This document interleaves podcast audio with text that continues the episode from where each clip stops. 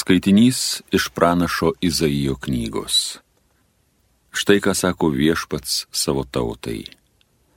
Padaryk savo tarpę priespaudai galą, netiesk savo pirštų, nekalbėk užkerėjimo žodžių. Paduok alkaniems duonos ir pavalgydink, kurie skursta. Tada tamsoje nušvis tavo šviesa ir tavo tamsa bus šviesi kaip diena. Tau nuolat vadovaus viešpats Dievas. Jis sotins tave sausringoje žemėje, stiprins tau sanarius. Tu būsi visada tarsi laistomas daržas, tarytum šaltinis, kurio vanduo neišsenka. Tavo vaikai prikels iš griuvėsių senasias sodybas ir tu atstatysi senovėje mūrytas sienas. Tu būsi vadinama plyšius užtaisančia mūrininkė, atnaujintoje kuri grįvėsius padaro gyvenamus. Jeigu šeštadienį kojos nekelsi ir mano šventadienį darbo nedirbsi, jeigu šeštadienį vadinsi džiaugsmu ir viešpačiui pašvestą dieną garbe, jeigu ją gerbsi, jokių reikalų netvarkysi, nieko nesiversi, nevesi dėrybų, tada tavo džiaugsmas bus viešpats. Tau leisiu pakilti virš žemės aukštybių tau leisiu gerėtis tavo tėvo Jokūbo paveldėjimo. Tikrai taip kalbėjo viešpaties lūpos. Tai Dievo žodis.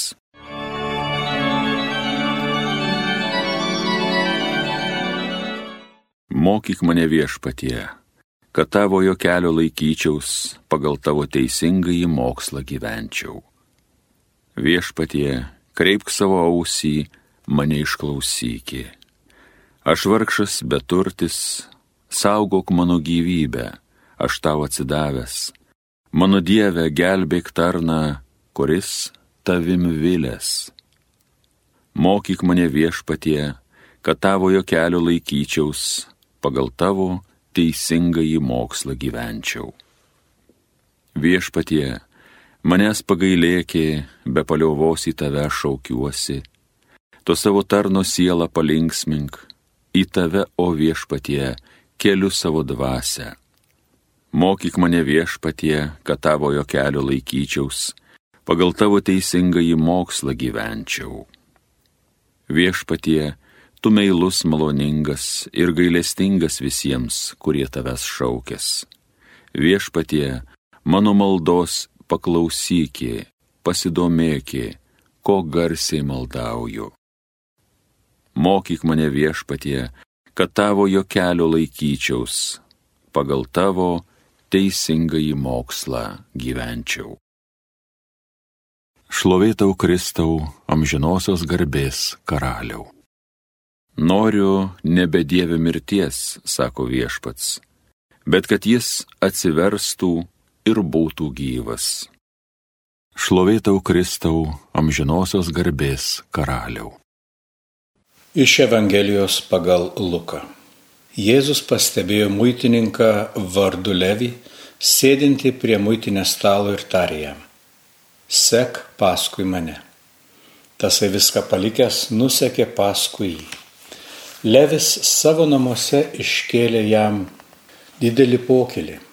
Prie stalo susirinko gausus būrys muitininkų ir kitų svečių. Fariziejai ir jų rašto aiškintojai murmėjo, ir prikaišiojo jo mokiniams. Kam jūs valgote ir geriate su muitininkais ir nusidėjėliais? O Jėzus atsiliepė. Nesveikiesiems reikia gydytojo, bet ligonėms. Aš atėjau šaukti į atgalą neteisiųjų, bet nusidėjėlių. Tai Dievo žodis.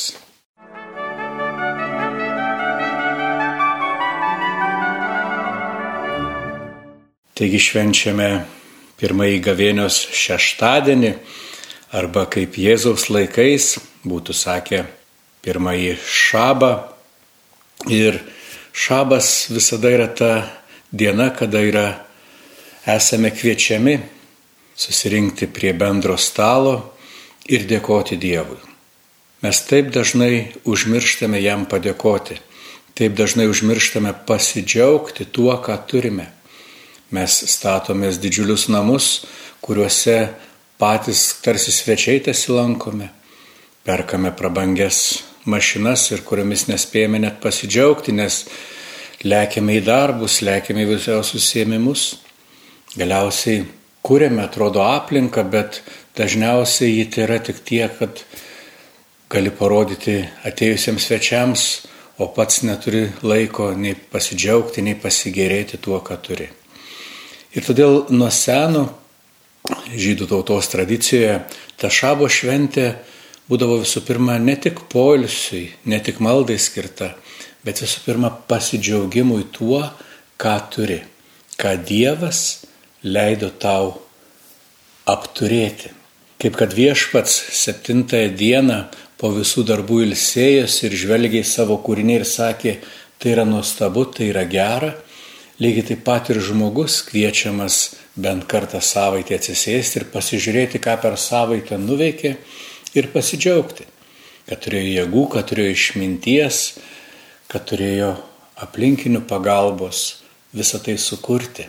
Ir aišku, esame kviečiami padėkoti, būti dėkinga širdimi. Taigi ir Levis pakviečia Jėzų į savo namus šabo vakarieniai. Ir sako, kad susirenka didelis būrys jo bendradarbių muitininkų, kitų nusidėjėlių, kaip įvardina šventas raštas, ir jie kartu puotauja. Ir kaip dažnai tos puotos būna sužeistos. Sužeistos mūsų nenoširdumo, sužeistos mūsų nuodėmingos galbūt praeities, sužeistos sugriautų santykių ir mes nors ir sėdim prie vieno stalo, vis tik esam be galo tolimi. Ir Jėzus atpažįsta tą sužeistumą susirinkusio akivaizdoj ir kada fariziejai jo užklausė, kodėl jis sėdi prie jų stalo, sako, nesveikiesiems, o ligonėms reikia gydimo. Ir jis ateina tam, kad gydytų mūsų santykius, gydytų mūsų buvimą kartu, gydytų mūsų bendrystę ir išmokytų iš tiesų džiaugtis. Visiškai nesenai įžengėme į gavėnios kelią. Pradėjome trečiadienį galvas paženglindami pelenais, ne tik kaip nusižeminimo ir traupumo ženklą, bet kaip ir pripažinimą, kad mūsų gyvenimai kartais yra praradę skonį. Jie tapę tarsi tie pelenai, kurie tik girgžda tarp dantų, bet nieko neprideda. Ir šaukėmės viešpaties, Dieve, ateik ir sugražink mūsų gyvenimui spalvas, sugražink skonį, sugražink džiaugsmą išgydyk mus mūsų trapume, kad mes vėl galėtume tave garbinti ir šlovinti. Šiandien girdime Levio būtininko pašaukimo istoriją. Ją paprastai priskiriame evangelistui Matui. Tam, kuris iš tiesų iš savo to tokio nustumimo, net iš tautos atmetimo buvo pašauktas į apaštalų būrį ir tapo vienu uoliausiu savo tautiečių evangelizatoriumi. Nei vieno kito evangelisto raštuose nerasime tiek daug gausių nuorodų į Senąjį testamentą ir kvietimo tautiečiams atpažinti iš tų raštų, iš pranašyščių Jėzaus asmenyje jų lauktai mesiją kad tas džiaugsmas, kurį jis patyrė, tas atleidimas, ta ramybė, kuri atėjo jo gyvenimas su Jėzumi, pasiektų kuo daugiau jo tautiečių. Nežiūrint to, kad galbūt buvo jų niekinamas, atstumtas dėl savo užimamos profesijos, jis vis tik su meile eina ir neša jiems gerą naujieną. Tad ir mes šiandien pasidžiaugim, pasidžiaugim tuo, ką Dievas mums yra suteikęs, pasidžiaugim vienas kitu, raskime gerą žodį savo kolegai, savo namiškiui ir svarbiausia, kvieskime Dievą ateiti ir padėti atkurti žydinčius sodus mūsų širdžių dykumose. Gražaus jums šeštadienio ir palaimintos bei viešpaties malonių pripildytos gavėnios. Sudėjau.